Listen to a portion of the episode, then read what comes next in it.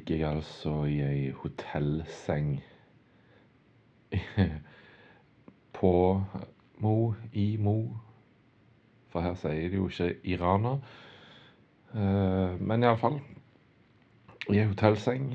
Eh, denne første, la oss kalle det offisielle eh, høstdagen 1. september. Det er ikke lenge til jeg skal gå skikkelig inn for landing og sove. Eh, I morgen tidlig så skal jeg jo dra tilbake til øen ute i gapet der ute i Norskehavet for å delta på Lovenmila, som for min del er ei halve mil. Uh, tenkte hvorfor ikke? Uh, så jeg meldte meg på for uh, ja 24 timer siden, tror jeg da. Tenkte bare fuck it, jeg, jeg blir med, så ser vi hva det blir. Det blir det det blir. Det er det det, og det blir det det blir. Blir det det blir. Jo da. så da, det blir spennende å se. Jeg hadde gjennomkjøring her på når det er fredag. Onsdag hadde jeg gjennomkjøring. og Veldig fornøyd med snittida per kilometer. At denne svære, klumsete kroppen skal kunne klare det, er jo det er jeg meget fornøyd med. Snittid på 4,48. Ikke for å skryte. Det er ikke et forsøk på det. Jeg har, har vært bedre før. vel, vel. Um, det har vært rart å vandre litt rundt her i dette stedet her i, i dag. Fordi en går liksom en følelse av Prøver å kjenne etter hva Hva føler jeg på nå? Og det Jeg klarer liksom ikke å finne et passende nok ord på norsk som tilsvarer 'accomplished'. Men jeg vet ikke om det er det jeg har kjent på heller. Det er bare Det er ikke en dårlig følelse jeg går bærer på. På ingen måte. Men det er heller ikke sånn triumferende og 'yes, kjempebra' greier. Det er bare Ja, akkurat der sånn balanseting. Der du kjenner at du har akkurat det du trenger å ha. Uten at du ligger og føler at du kaver så vidt Altså kaver i vannet med, med munnen og nesen så vidt over vannskorpa. Sånn, du, har, du har klaring til vannskorpa, men uh, uh, Ja, nei, det er vanskelig å forklare, men det var en sånn fin følelse. Det bare ro og, og fint. Uten at det var noe jubel og triumf rundt det. Bare sykt behagelig og fint. Og jeg kjenner at jeg er iallfall takknemlig for det jeg har. Det har vært eh, to eh, ganske hektiske uker nå. I begynnelsen av skoleåret. Og en samtale med noen som står meg nære. Eh, rett i forkant av skolestart ble det sagt at eh, du skulle kanskje ikke jobbe i skolen, du. Så tenkte jeg at det er kanskje sant. Eller i det norske grunnskolesystemet, for å være spesifikt, tenker jeg nå, da. At kanskje skulle jeg Skal jeg på sikt ikke gjøre det. Så vi får se eh, hvordan det går. Men det, så det er iallfall en tankeprosess rundt det. Og så har det òg vært en sånn tankeprosess rundt eh, forpliktelse. For at på vei nordover så hørte jeg jo på en podkast med Einar Duenger Bøhn og Lars Berrum, som har lest Kirkegård. Nå har de nettopp avslutta det, for de mangler noen bøker. Og da hørte jeg jo på liksom, de, de, første bøkene da, i, um, i, i Kirkegårds eh, bibliografi. Og der snakker han mye altså, Kirkegård snakker mye om forpliktelse, og at du skal forplikte deg til å bli noe med de konsekvensene det har. Og det har stått liksom for meg de siste dagene, at det er utrolig viktig altså, Jeg er enig i Kirkegård at det er vi må, vi må tørre å forplikte oss. Og jeg tror mange er redd for det, og jeg tror, tror det er mange som kvier seg for å gjøre det i dag fordi Eller egentlig alltid. Fordi at du, du er redd for å miste noe. Tenk det du må si nei til. Tenk hvis du likevel vil ha det. Men, men Trade-offen, eller hva det heter det, liksom det, det, du mister med det, det er at du blir aldri skikkelig god på noe. Eller du, du blir ikke bedre på noe enn noe annet. Du blir bare helt i, liksom, flat og i null. Um, og da har du det egentlig ikke godt heller. Så når du ikke blir bitte litt god på noe, så har du det heller ikke godt. Her er liksom min forlengelse av, av Kirkegårds tanke. da, at Ved å forplikte deg til noe og gi slipp på noe For når du forplikter deg, så kan du si nei, dette passer ikke inn i min forpliktelse, den veien jeg skal gå.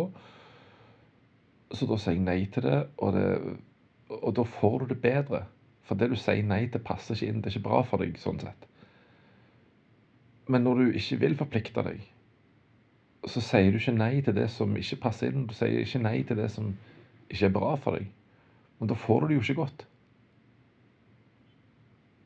Uh, og, og så, vi vil liksom hele tida holde alle dører åpne for tenk hvis. Ja, men da får det bare skje, da. Men akkurat nå så tenker jeg å gå denne veien. Nå skal jeg jo bare ta et eksempel, men som er er plausibelt og for så vidt realistisk.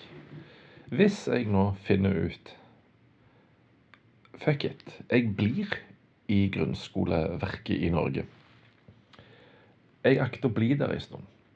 Og jeg akter å bo på Lovund en god del år. Eh, der skal jeg i alle fall bo på, på ubestemt tid. Eh, og la oss si minst tre år fra snakkende stund. OK. Konsekvensen av det vil jo da være Da selger jeg kåken i Sandnes. Det er en naturlig konsekvens av at jeg forplikter meg til å være der jeg er nå. Så kan jeg jo begynne å tenke nei, men jeg har ikke helt lyst til det. For tenk hvis ja, men da begynner jeg å bli redd. Da, da kommer jeg jo med øh, et slags sånn sikkerhetsnett som går ut. Bare ordet foranstaltninger kommer inn i hodet på meg. Jeg vet ikke om det er det, men det bare, du, du lager deg i alle fall utveier og retrettmuligheter sånn i tilfelle. Men da kan ikke livet her bli fullgodt. For da har jeg hele tida det ankeret Eh, liksom det mentale, emosjonelle ankeret som på en eller annen måte binder meg den andre plassen. Da er jeg ikke fullt til stede i det jeg gjør der jeg er. Og dermed får jeg ikke så godt som jeg kan få det, hvis jeg bare sier fuck it, nå forplikter jeg meg til dette. Konsekvensen av det er at eh, det å eie noe i Sandnes ikke passer inn. Vekk med det. Eh, I det så ligger det òg å si nei til at jeg kan tilbringe mye fysisk tid med de eller dere som jeg da kjenner eh, i Sandnes. Og Stavanger-området. Eller Sandnes-området, som jeg velger å kalle det. Eh, for Stavanger ligger i Sandnes-området. Eh, der vibrerte det jammen meg i telefonen. Ja ja, det var bare en liten påminnelse. Eh, så da, da, da får en vekk forstyrrelser. Og et briljant eksempel på det, på, på en forpliktelse, så har jeg jo fått nok med meg om en viss Jakob Ingebrigtsen. Hvordan han var da han var liten gutt. Han, han bestemte seg tidlig han ville bli best i verden på dette. Han skulle bli raskest i verden på 1500 meter. eller sånn. Han skulle iallfall vinne noen VM-greier og sånn. Nå har han jo klart iallfall på 5000. Men tenk alt det han har ofra i den forpliktelsen. Det passer ikke inn for han med festing og drikking og russetid, uh, russebuss, alt det der fjaset der. Det passer ikke inn for han. Så han sa nei, det kan jeg fint sette på båten. For det passer ikke inn med det jeg skal oppnå. fordi han har forplikta seg til noe. Jeg vil bli sånn. Jeg skal oppnå det. Ja vel, men da ligger veien klar. Og da kan du si en verdi i livet hans er da eh, Egentlig så er trening verdien, mens meninga er å vinne. Og det referansesystemet jeg bruker nå, er faktisk en, eh, en oppgave jeg bruker på ungdomsskoleelever i KRLE. Der det er ei, i går sånn ei steintavle de skal lage, der vi begynner med verdier og peker ut de. For verdiene peker mot kan du si, målet og meninga. Og verdier av de Oi, trøtt. Av verdier kan du òg avlede. Eller utlede, blir det vel. Um, fordi verdier er generelle, så kan du utlede spesifikke leveregler. Og Hvis du ikke kan formulere de sjøl, så henter du de fra, fra andre, tar inspirasjon fra noen som allerede er funnet opp.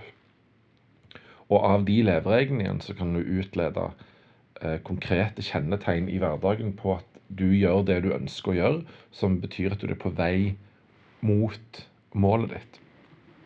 Og Derfor mener jeg at i, i uh, unge Jakob Ingebrigtsens tilfelle så er meninga Det som gir mening i livet hans, det er bl.a. Å, å vinne uh, 1500 meter og 5000 meter. Altså å, å bli best. Det er meninga for han. Han skal bli best. En verdi for han da er eh, Kroppen har en verdi. Eh, og leveregel kan handle om trening så og så ofte. Eh, en annen leveregel handler om kosthold. En tredje leveregel handler om søvn.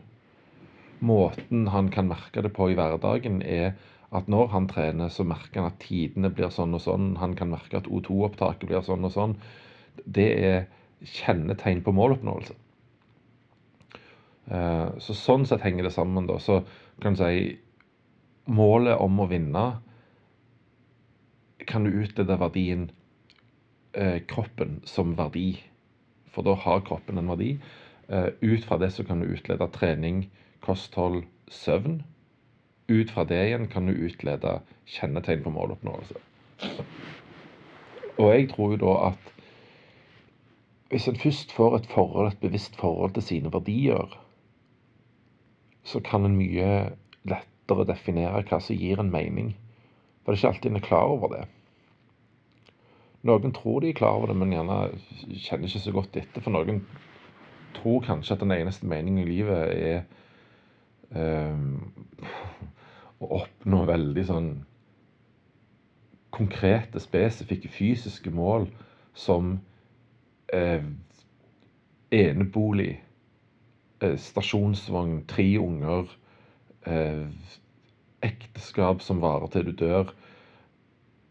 Jeg vet ikke om det er meninga, men det er gjerne kjennetegn på måloppnåelse. Men da begynner du i feil ende, vil jeg påstå. Eh, for min egen del så har jeg for noen år siden iallfall fått et sånn her er jo poenget at du skal ikke meisle det i stein. Det var jo det historien om Moses er. Han meisla ting i stein. Da blir det veldig statisk. Og med en gang du, du endrer idé om noe, så må du òg knuse steintavlene og meisle nye. Så derfor vil jeg ikke være, si at jeg er 100 satt. Men oh, yes. Um, for min del er trivsel meninga i livet. Jeg skal trives. Jeg skal ha det fint, og når jeg har det fint, så trives jeg. Ok, Så trivsel er, er meninga, og trivsel er målet. For å kunne oppnå det, så er det noe som, noen verdier som skaper det målet. Og det som har verdi når du skal oppnå trivsel, det er da bl.a. aksept. Uh, og det må jo ikke forstås jeg tror jeg har vært inne på dette før da, det må ikke forstås som at du forsvarer det du aksepterer. Nei, for aksept og forsvare, um, det er to forskjellige ting. Og eksempelet er jo best med å si han Fjotolf Hansen som sitter fengsla. Jeg aksepterer at han mente det var det rette å gjøre, men jeg forsvarer det ikke. Eh, kan du si en, en leveregel ut fra aksept, da, så må jeg utlede det. Men jeg har ikke den på liggende fot eller føtter. Eh, jeg ligger faen ikke på føttene mine. jeg ligger vel med andre Ligger vel på andre kroppsdeler, strengt tatt. Men OK.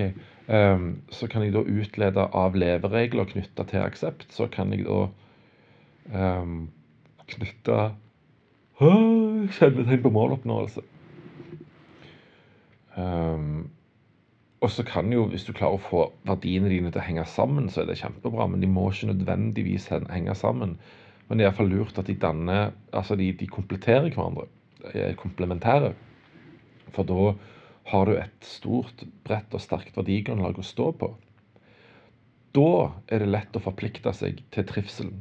Og da kan du si denne personen kan ikke jeg ha i livet mitt. Den må ut.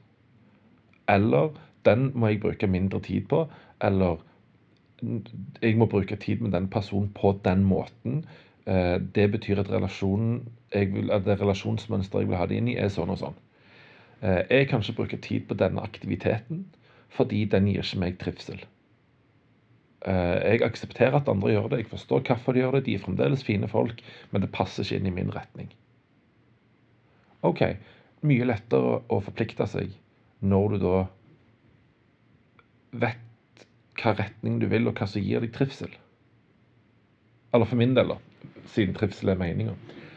Så OK, gå den veien. Og da må en tørre. En må tørre å gi slipp på det som ikke passer inn på den veien. Ellers så lever du litt for å tekkes andre, faktisk. For dette, det kan jo være at altså Da holder du igjen. For det kan være at sånt skjer, og da må jeg være klar for det. Eh, passer det inn? Nei, vekk med det. OK, nå trenger jeg ikke tenke mer på det. Nå har jeg sagt dette noen ganger, så da, da kan jeg gå videre. Men i alle fall, jeg har tenkt på det med forpliktelse i det siste, og det handler om at jeg tenker på om jeg skal faktisk bli kvitt adressen min i Sandnes. Eh, for jeg har fremdeles den å kunne falle tilbake på. Um, ja. Og så uh,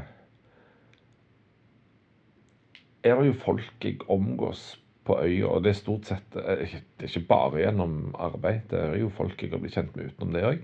Men en del av folk jeg har snakket med gjennom arbeid, da har vi kommet inn på et så interessant emne som tilgivelse, og det har jeg vel vært inne på før, kanskje. Uh, kanskje i neste episode.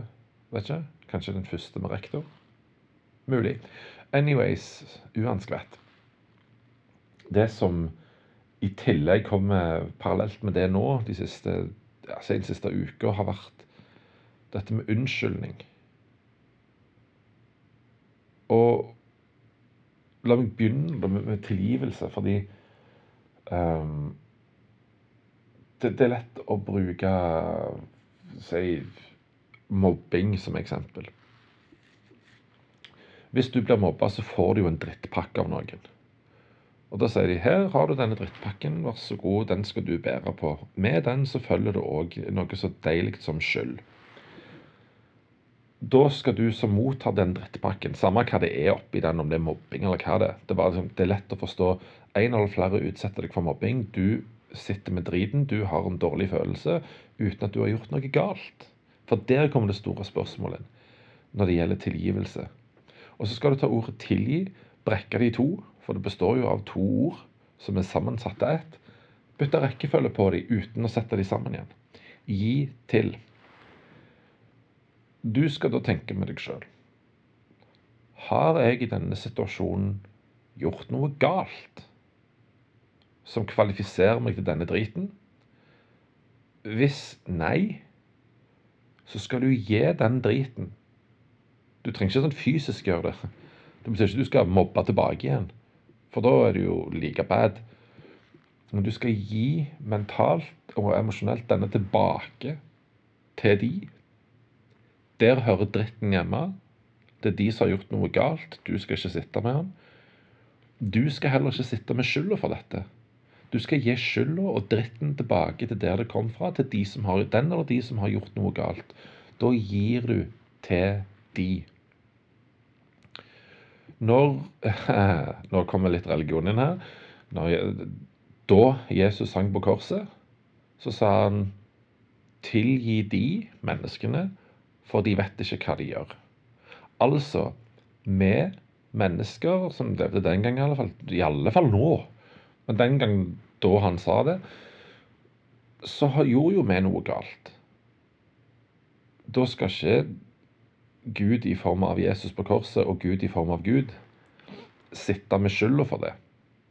For det var menneskene som valgte å gjøre disse tingene. De valgte å gjøre noe galt. Så sier han gi skylda til de. Gi dritten tilbake til de. Det er de som har gjort noe galt. De får leve med det. De som har mobba deg, de som har gjort et eller annet mot deg, de skal leve med det. Du skal forlate skylda. Det er jo det som handler om syndsforlatelse. Du skal forlate de syndene du ikke har gjort. Du skal gi dem til de andre som har gjort noe galt. Da har du tilgitt de. OK. Da begynner for meg å liksom, noen brikker å falle på plass i hva tilgivelse er. Det er ikke å glemme. Det er å forlate den skylda du faktisk ikke har. Og hvis du har en skyld i situasjonen, så skal du ta den, og så skal du tilgi de andre for det de har gjort. Altså, du skal gi til de andre det de har gjort, sånn at de får stå til ansvar for det. Ok. Så har vi da det å unnskylde. Så slo jeg opp ordet, bare, altså en ordbok, selvfølgelig. Norsk akademisk ordbok og bokmålsordboka. Da, da, heter, står det altså um, unnlatelse for synd. Altså, du ber om unnskyldning. Det betyr at det, den personen som unnskylder deg, skal unnlate deg for skyld i denne situasjonen. Jeg vil dra det lenger, litt lenger ned stien her. Eh, jeg vil legge til noe på den definisjonen, egentlig. Det som ligger, egentlig altså ligger i det å be om unnskyldning og unnskylde noen. Fordi hvis du gjør noe galt mot noen, så var det kanskje tilsikta. Da ber du om unnskyldning. Sant? Så sier du 'unnskyld meg'. Please, unnskyld meg. Um, kan du i dette tilfellet unnlate meg skylda? Det var ikke sånn jeg ville det skulle bli. OK, jeg kan unnlate deg skylda nå. I det så ligger det Men så faen ikke gjenta det, da. Sånn, det, er greit det skjedde den ene gangen. Det er ikke å tilgi. Det er å unnskylde. Jeg tar fra deg skylda denne gangen, så hiver vi den vekk. Men bare faen ikke gjør det igjen. Hvis du vet hva du gjør, at du gjør noe galt, og du vet du gjør noe galt, da skal du ikke be om unnskyldning. For da er det ingen skyld å unnlate deg, for du, du har skylda. Hvorfor i alle dager skal jeg unnskylde noe du vet, når du vet hva du gjorde? og du vet det var galt, da skal jeg tilgi deg. For da skal du sitte med den driten. Du visste hva du gjorde. Og tilgi dem for de vet hva de gjør. Tilgi dem for de vet ikke hva de gjør. Uansett skal du tilgi dem. Men jeg kan unnskylde deg hvis det var et hendig uhell. Men hvis du har gjort dette her flere ganger mot meg, og så ber du om unnskyldning første gangen etter du har gjort det flere ganger, da vet jeg ikke om jeg vil unnskylde deg, for da må jeg si du har gjort dette så mange ganger nå. At jeg vet ikke om jeg tror på deg når du spør meg om jeg kan unnlate deg for skylda. Fordi det ligger ikke jeg, jeg, tror ikke på endringslysten og endringsviljen i deg. Men da er det ingen grunn til å unnlate deg skylda her. Så nei, unnskyldning ikke godtatt. Kom tilbake og be om unnskyldning når du mener det.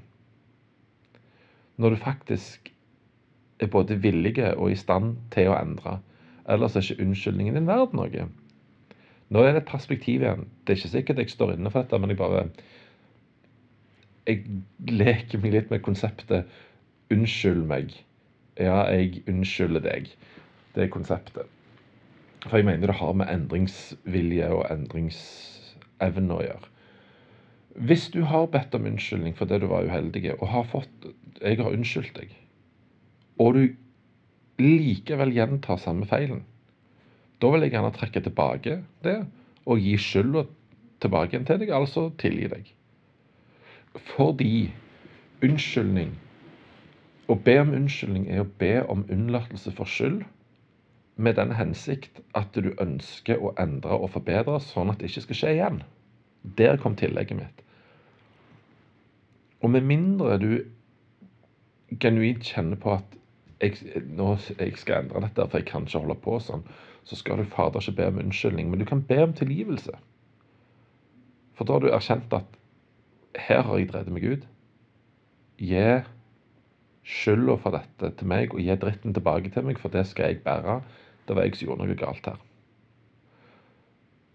Så kan du heller komme tilbake seinere når du og be om unnskyldning. Når du faktisk har endra, kan du nå unnskylde meg for det jeg før har gjort? Jeg har slutta med det nå. OK. Da kan jeg ta vekk skylda. For da skal du slippe å bære skylda for det, for nå er du fri for det. Nå har du slutta å gjøre det. Flott. Nå går vi videre. Er det sånn det kan kanskje henge sammen? For det er så mange ganger jeg har hørt folk snakke om tilgivelse. Der de ikke helt kan forklare hva det er. Noen sier det er litt, det er litt å glemme. Ja, det er litt å unnskylde. Det er å sette litt strek over ting. Ja, jeg vet ikke helt hva det er. Det er det mange som har sagt. Og så har jeg tenkt og tenkt og tenkt, og så glemt det litt ut. Og så kommet tilbake til det, glemt det ut, kommet tilbake til det. Og så har noen andre tatt det opp når jeg har glemt det litt. Og så ja, det kommet tilbake igjen. Og så har da denne nye ballen dukket opp, så jeg har sjonglert med to baller. Det er jo ikke så vanskelig. Eller to kuler, eller hva du vil kalle det. Um, og så har da dette med unnskyldning da dukket opp. Så det har vært litt interessant uh, å, å, tenke på det og se hvor det har, uh, har tatt meg.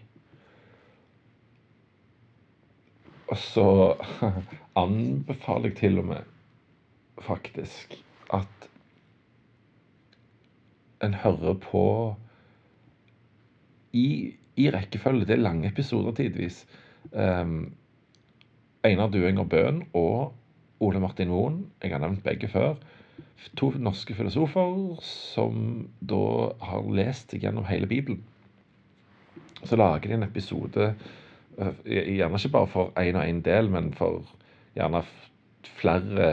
Gjerne første og andre Mosebok. Absolutt ikke første og andre, men første, og så andre tredje og fjerde, f.eks. Så de slår gjerne sammen litt. Eh, virkelig anbefaler. Jeg har jo kunne godt tenkt meg å ha jeg, vært med i en episode, eller flere episoder med de begge, for å at hva, altså bringe et perspektiv og hva med å forstå Gud på en annen måte enn det dere gjør, for dere snakker om Gud som en personskikkelse. Og i, i, i, mitt perspektiv så er ikke Gud det. Og alt det de har snakket om som måten Gud har oppført seg på, og ting Gud har gjort, og hvem Gud har straffa og ikke For meg viser det bare at Gud er naturen og belønne de som lever i, i pakt med naturen. De som forpakter um, Det er vel feil ord. De som forvalter um, naturens skaperverk og, og, og, det naturen gir og, og tar. at de som lever i pakt med det, de blir belønna i uh, uoverskuelig framtid. Mens de som ikke gjør det, blir straffa i ett og dette leddet og de to neste slektsleddene. Og det stemmer jo egentlig ganske bra. Så hadde de lest det sånn og forstått det de diskuterer ut fra det, så hadde plutselig profeter gitt enormt mye mening. Og så hadde Jobbs bok, syns jeg, gitt enormt mye mer mening. Kjempekul historie. Interessant historie. Kul var vel gjerne feil ord, for det ganske tragisk. Eh, men òg litt fin historie. Eh, Mosebøkene hadde gitt mye mer mening. Eh, og jeg mener òg at det å tro at Metusalem ble 1000 år Metusalem ble vel litt over 1000, tror jeg det var, eller noe sånt. Rett der omkring. Jeg mener jo at eh, det, sånn som jeg forstår det de har lest og forteller, da, så forstår jeg mer dem som en tidsalder. I den tidsalderen levde mennesket på denne måten. Eh, si eksempelvis eh, I den tida lærte vi å lage bronse. Så da levde vi som denne type mennesker. Før det hadde vi levd som jegere og sankere. Og da heter tidsalderen dette navnet på denne personen. For dette er metaforiske fortellinger som har blitt fortalt til barn for å forstå ting og for å forstå store ting. De hadde jo ikke forstått, og de gjerne hadde ikke så store tall som 1 million eller 10 millioner eller 500 millioner. De hadde ikke sånne tidsrammer. Men de kunne gjerne si 1000. Og det var et gigasvært tall for dem. I dag er 1000 liksom ingenting. Eh, så i dag hadde du gjerne sagt 1000 millioner milliarder år. Eller 500 eh, millioner år, 1 milliard år ble Metusalem. Eller kanskje bare 10 millioner, for at det, i den perioden er ikke det engang 300 000, 400 000 år så levde mennesket på denne måten i den tidsalderen. Point taken, tror jeg. Jeg vil ikke tro du er helt løk som hører på denne podkasten. Ikke for å sette meg sjøl på noen høy hest. Jeg har jo ikke hest engang. Uh, så make, det òg makes sense. Historien om Noahs ark makes sense når du tenker at uh, naturen straffer mennesket, men alt liv blir ikke utsletta. For naturen orger det sånn at det, eh, mange blir wipa ut. Mange dyr enormt mange mennesker, for det kommer naturkatastrofe. Naturen slår brutalt tilbake igjen for måten vi har levd på. Vi har ikke levd i pakt med, med greiene. Det kommer en naturkatastrofe. Eh, eksempelvis en meteoritt eh, eller et eh, vanvittig kraftig vulkanutbrudd. Eller en klimakrise, f.eks. Men alle kommer ikke til å dø ut.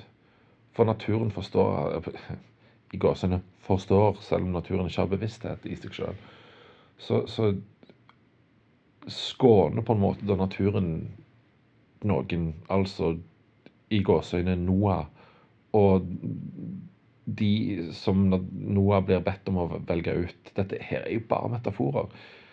Um, noen mennesker blir skåna, for ikke alle dør. Men de som er i stand til å leve bærekraftig, de får faktisk leve videre. Uh, og ikke alle dyr dør. Noen overlever og blir med videre. Men det er langt færre skapninger enn på jorda, og så starter de litt på ny. Jeg mener det It makes sense uh, når, når en ser på alle de tingene som, som skjer oppi mytologien her. Uh, men for all del, correct me if I'm wrong, men jeg tror vi har låst oss fast i noen sin forståelse, og at den, denne noen levde for litt lenge siden. Og så har det blitt gjengs oppfatning, og så har vi bare godtatt det. Men hvorfor godtar vi noen andre sin fortelling eller sitt narrativ? Da skal jeg bare godta når noen sier «Eh, du Kjell du er sånn og sånn, du, og så er livet ditt sånn. Du skal leve på den måten fordi sånn er det. Nei, det passer ikke meg. Go fuck yourself. Jeg gjør det på min måte. Uh, uten at jeg skal være et rasshøl mot noen, men jeg gjør det på min måte. Så bare gå vekk og vær du. Gå og vær narratør i ditt eget liv, og ikke bland deg med mitt. Så da godtar jeg det ikke. Men da skal jeg heller Her kommer denne retningsgreia igjen. Men da skal jeg heller ikke godta når noen forteller meg hvordan jeg skal forstå en historie. Og da er det ikke Da vil jeg ikke si feil og rett og sånn nødvendigvis, men da vil jeg si at jeg er mer på sporet av det rette når vi snakker om at vi skal, vi skal framelske kritisk tenkning, og det skal vi lære ungene i skolen. Du må, du må, klare å tenke kritisk og, og reflektere. Ja, reflektere er å kunne være uenig med seg sjøl og si Men hvorfor mener jeg dette? Hvor har jeg dette fra? Er jeg sikker på dette her? Kan jeg være sikker på noe? Da tenker du kritisk, du reflekterer, du diskuterer med deg sjøl, for det, det, er ikke noen andre der. Så diskuterer du med deg sjøl, tenker kritisk rundt egne tanker og meninger og holdninger det er dette som står beskrevet i læreplanen. Definisjonen til UDIR av refleksjon som en, grunn, som en ikke grunnleggende ferdighet, men en ferdighet som skal læres og vurderes. Så det, det sier vi at det er viktig. Men likevel så, så, opplever jo jeg av og til at når jeg legger fram dette, så er det noen som er kjempevillige og sier at jeg tar feil. Men da vil jo jeg si til de som påstår det, men hvorfor tar ikke du feil? Bare fordi din historie er lik veldig mange andre sin. Narrativet deres er ganske likt. Men tenk hvis du driter i buksa, da driter jo alle de andre i buksa som, som står på de sida, for dere er jo enige, dere gjør den samme tingen. Du har ikke tenkt gjennom hva du gjør, du gjør det bare fordi de andre gjør det. Så, så kan man røske litt i de forestillingene du har, eller være litt som en godt eh, kjent eh, person om jeg sier jeg er apatisk ateist. Så, ja, jeg, jeg, tror ikke det finnes noen gud, men jeg gir litt faen for det. Eh, det betyr ikke så mye. Nei, nei. Det er greit. Men tenk når jeg gjør det som betyr noe for deg, da. Og for å circle denne episoden, loope et eller annet denne episoden, kan du si Har du iallfall et bevisst forhold. Tenk at verdiene dine betyr noe for deg. For meninga i livet ditt bør definitivt bety noe for deg. Sånn at du kan forplikte deg til det. Og bli den du vil være. Og være den du vil bli. Ja, det er ikke så lett. Bli den du vil bli. Bli den du vil være. Eh, mye lettere når du har forplikta deg til det, og det er mye lettere å forplikte seg til, til, det når du har et verdigrunnlag å stå på.